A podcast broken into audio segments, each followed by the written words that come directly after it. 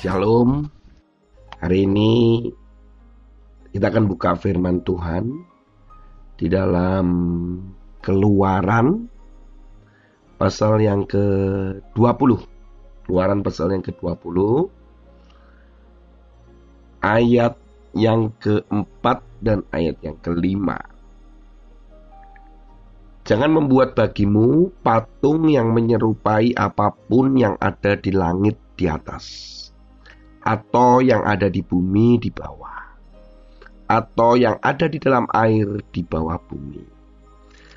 Jangan sujud menyembah kepadanya atau beribadah kepadanya, sebab Aku, Tuhan Allahmu, adalah Allah yang cemburu yang membalaskan kesalahan bapak kepada anak-anaknya, kepada keturunan yang ketiga dan keempat dari orang-orang yang membenci aku.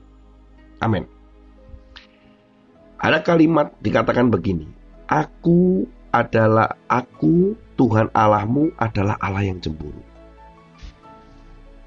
Konotasi cemburu sering kali kita pahami dengan negatif orang yang saling mencintai kalau sedang berpacaran atau sudah berkeluarga, kata-kata cemburu itu sering muncul atau bahkan muncul di dalam sebuah hubungan. Kecemburuan itu muncul karena sebuah hubungan.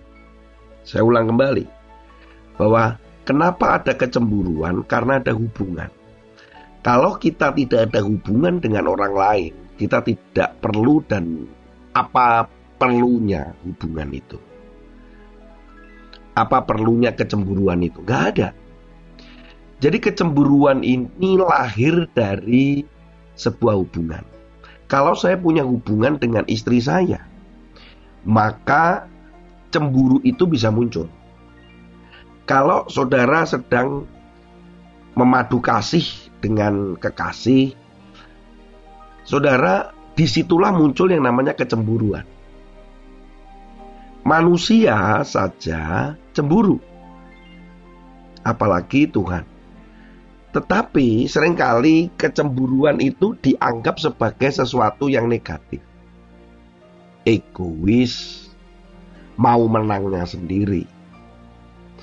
Tapi mari kita lihat dari sudut pandang Allah kalau kita cuma hanya melihat dari sudut pandang manusia, sebenarnya antara negatif dan positif itu tergantung dari sudut pandang mana.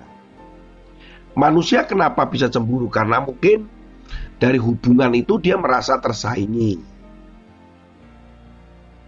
Merasa memiliki. Ada lagi dikatakan bahwa kenapa kok cemburu? Ya karena memang memiliki kesombongan gitu ya dan dikuasai dalam pikiran-pikiran dengan asumsi-asumsi begitu. Tetapi manusia itu kan punya keterbatasan. Dia bukan siapa-siapa, kita bukan siapa-siapa. Kalau Allah yang cemburu itu sangat wajar sekali. Ketika Allah cemburu dengan manusia, itu normal bukan negatif. Kenapa? Nah, nanti kita akan lihat satu persatu. Mengapa sampai Allah memasukkan jangan ada berhala, jangan ada patung yang menyerupai apa pun di bumi untuk disembah, itu masuk di dalam sepuluh hukum Taurat dan itu yang kedua. Dan kaitan dari hukum yang kedua itu kaitannya dengan hukum yang pertama yaitu akulah Tuhan. Jangan ada padamu Allah lain di hadapanku. Itu yang pertama, kemudian jangan ada patung yang menyerupai apa pun. Saudara, itu ada kaitannya. Ada kaitannya. Bahwa Kenapa Allah cemburu? Kecemburuan Allah ada di mana? Ketika kita menjadikan yang lain apa pun siapa pun adalah Allah selain Dia. Ketika kita menjadikan orang lain, benda atau apa pun itu lebih daripada Allah, kemudian dia cemburu, itu wajar. Kenapa? Karena kita diciptakan oleh Allah itu karena cinta. Allah sendiri adalah cinta. Allah mempunyai hubungan dengan manusia sejak awalnya. Ketika penciptaan Adam dan Hawa, itu adalah hubungan. Makanya yang namanya cemburu itu lahir dari sebuah hubungan. Dan manusia memiliki hubungan pertama itu adalah hubungannya dengan Allah. Makanya pernah keluar pertanyaan begini, siapa kekasih Adam yang pertama? Kekasih Adam yang pertama adalah Allah sendiri, bukan Hawa. Karena Hawa diciptakan setelah Adam. Karena ada sebuah hubungan, maka ada yang namanya kecemburuan ketika tidak dijadikan salah satu pasangan itu atau orang itu atau siapa pun itu satu-satunya di dalam hidupnya. Nah, sementara Allah itu memang menciptakan saudara dan kita itu adalah ciptaannya dan dia satu-satunya yang kuasa, satu-satunya dia yang mulia, satu-satunya dia yang perkasa. Ya dia. Sehingga ketika Allah cemburu dengan saudara dan saya, itu hal yang wajar, normal. Bukan sesuatu yang negatif. Kita akan lihat lebih jauh. Karena mengapa Allah itu bisa cemburu? Yang pertama, karena kita ini adalah ciptaan Dia. Ciptaan Allah. Dia tahu ada dia mengerti siapa kita. Dia memahami kita. Sehingga dia kecemburuannya adalah kecemburuan untuk membawa saudara dan saya tetap fokus dan menjadikan Allah itu satu-satunya yang disembah. Yang kedua, kenapa Allah cemburu? Karena Allah ingin saudara mendapatkan yang terbaik. Kata-kata terbaik tolong dipahami dari sudut pandang Allah, bukan sudut pandang kita sebagai manusia yang punya keterbatasan. Yang terbaik itu yang memuaskan, yang terbaik itu yang terindah, yang terbaik itu yang termahal, yang terbaik itu adalah yang paling paling hebat, paling kuat. Tetapi terbaik menurut Allah bukan demikian. Karena yang terbaik menurut Allah adalah untuk membentuk kita makin dewasa dalam keserupaan yang nantinya akan serupa seperti Kristus. Hal ini yang harus dipahami. Dia ingin supaya saudara dan saya mendapatkan yang terbaik. Sehingga ketika kita jauh dari dia, maka dia cemburu, dia aduh jealous.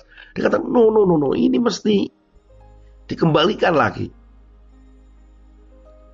Yang pertama tadi adalah karena kita ciptaannya dia. Kalau kita ciptaannya dia, itu berarti kita ini miliknya dia dong. Gitu loh. Sehingga ketika kita meleng, ketika kita beralih kepada yang lain, sangat wajar. Kemudian Allah cemburu. Bahkan kalau dikatakan di dalam keluaran pasal 20, ayat yang kelima dikatakan apa? Membalaskan kesalahan sampai ada balasan karena akibat dari menyembah berhala itu. Akibat dari tidak menjadikan Allah itu satu-satunya di dalam hidup kita. Kita ini ciptaannya dia, sehingga kita menjadi miliknya dia. Saudara jangan berkata bahwa Allah itu egois. Keegoisan dia dalam konteks bahwa kita ini ciptaannya dia dan kita ini miliknya dia, itu sangat wajar. Bukan di dalam konteks keegoisan yang itu negatif. Oh dia penciptanya kok. Wong Allah itu pencipta jelas kita ini miliknya. Sehingga kepemilikannya itu yang membuat saudara dan saya dicemburuin. Gitu. Yang kedua tadi jelas bahwa dia ingin kita mendapatkan yang terbaik. Yang ketiga, bahwa dia ingin supaya kita tidak kena tipu oleh iblis. Karena iblis itu menipu, iblis itu mencuri, membunuh, membinasakan dengan segala tipu dayanya. Dia adalah bapak pembohong. Bahkan dia bisa menyamar sebagai malaikat. Bayangkan, itu yang Allah lakukan kecemburuannya itu karena supaya kita tidak jatuh di dalam kebohongan dan penipuan daripada si iblis. Itu bisa jatuh terplecok. Cintanya tetap terbalas, hubungannya tetap ada di antara manusia dengan Allah.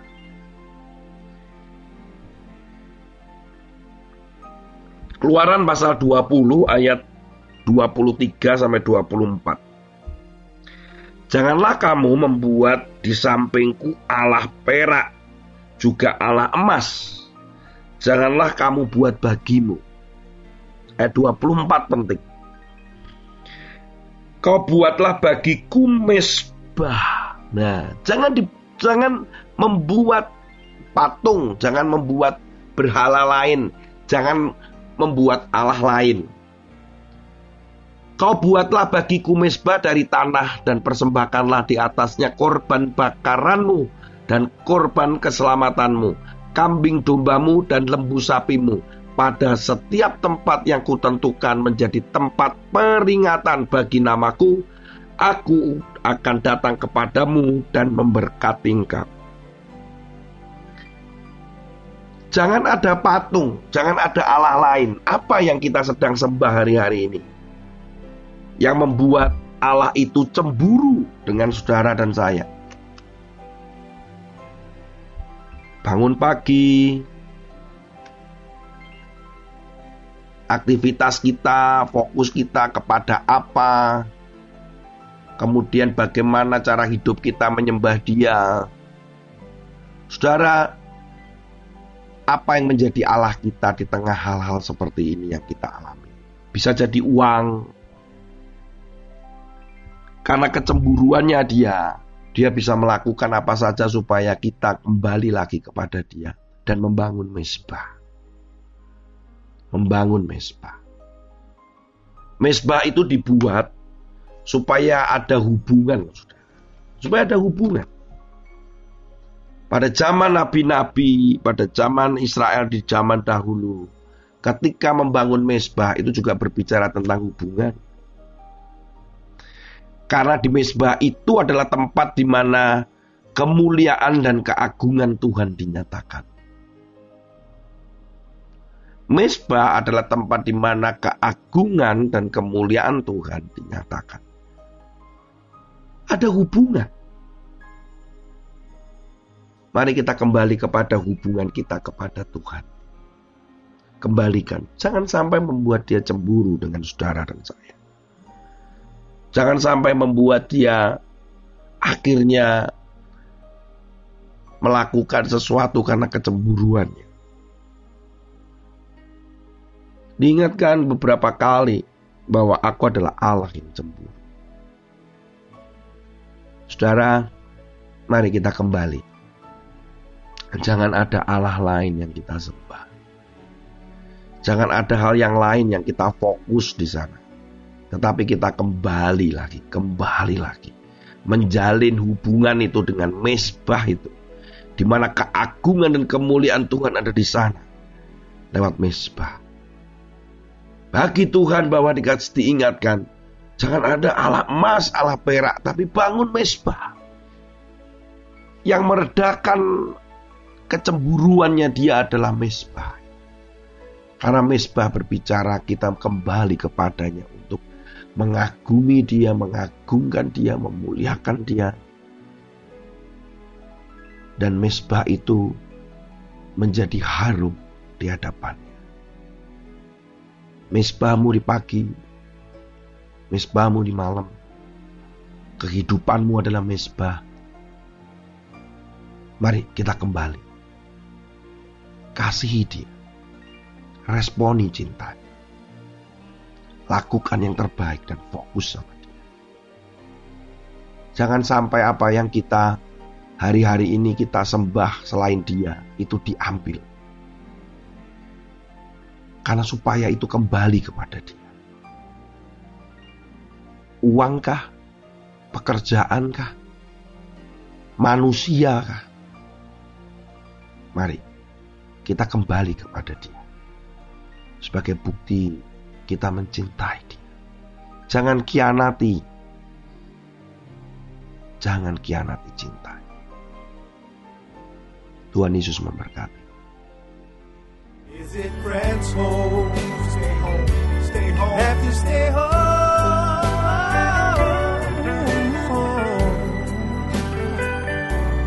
Let's show some love and flatten the curve by staying at home.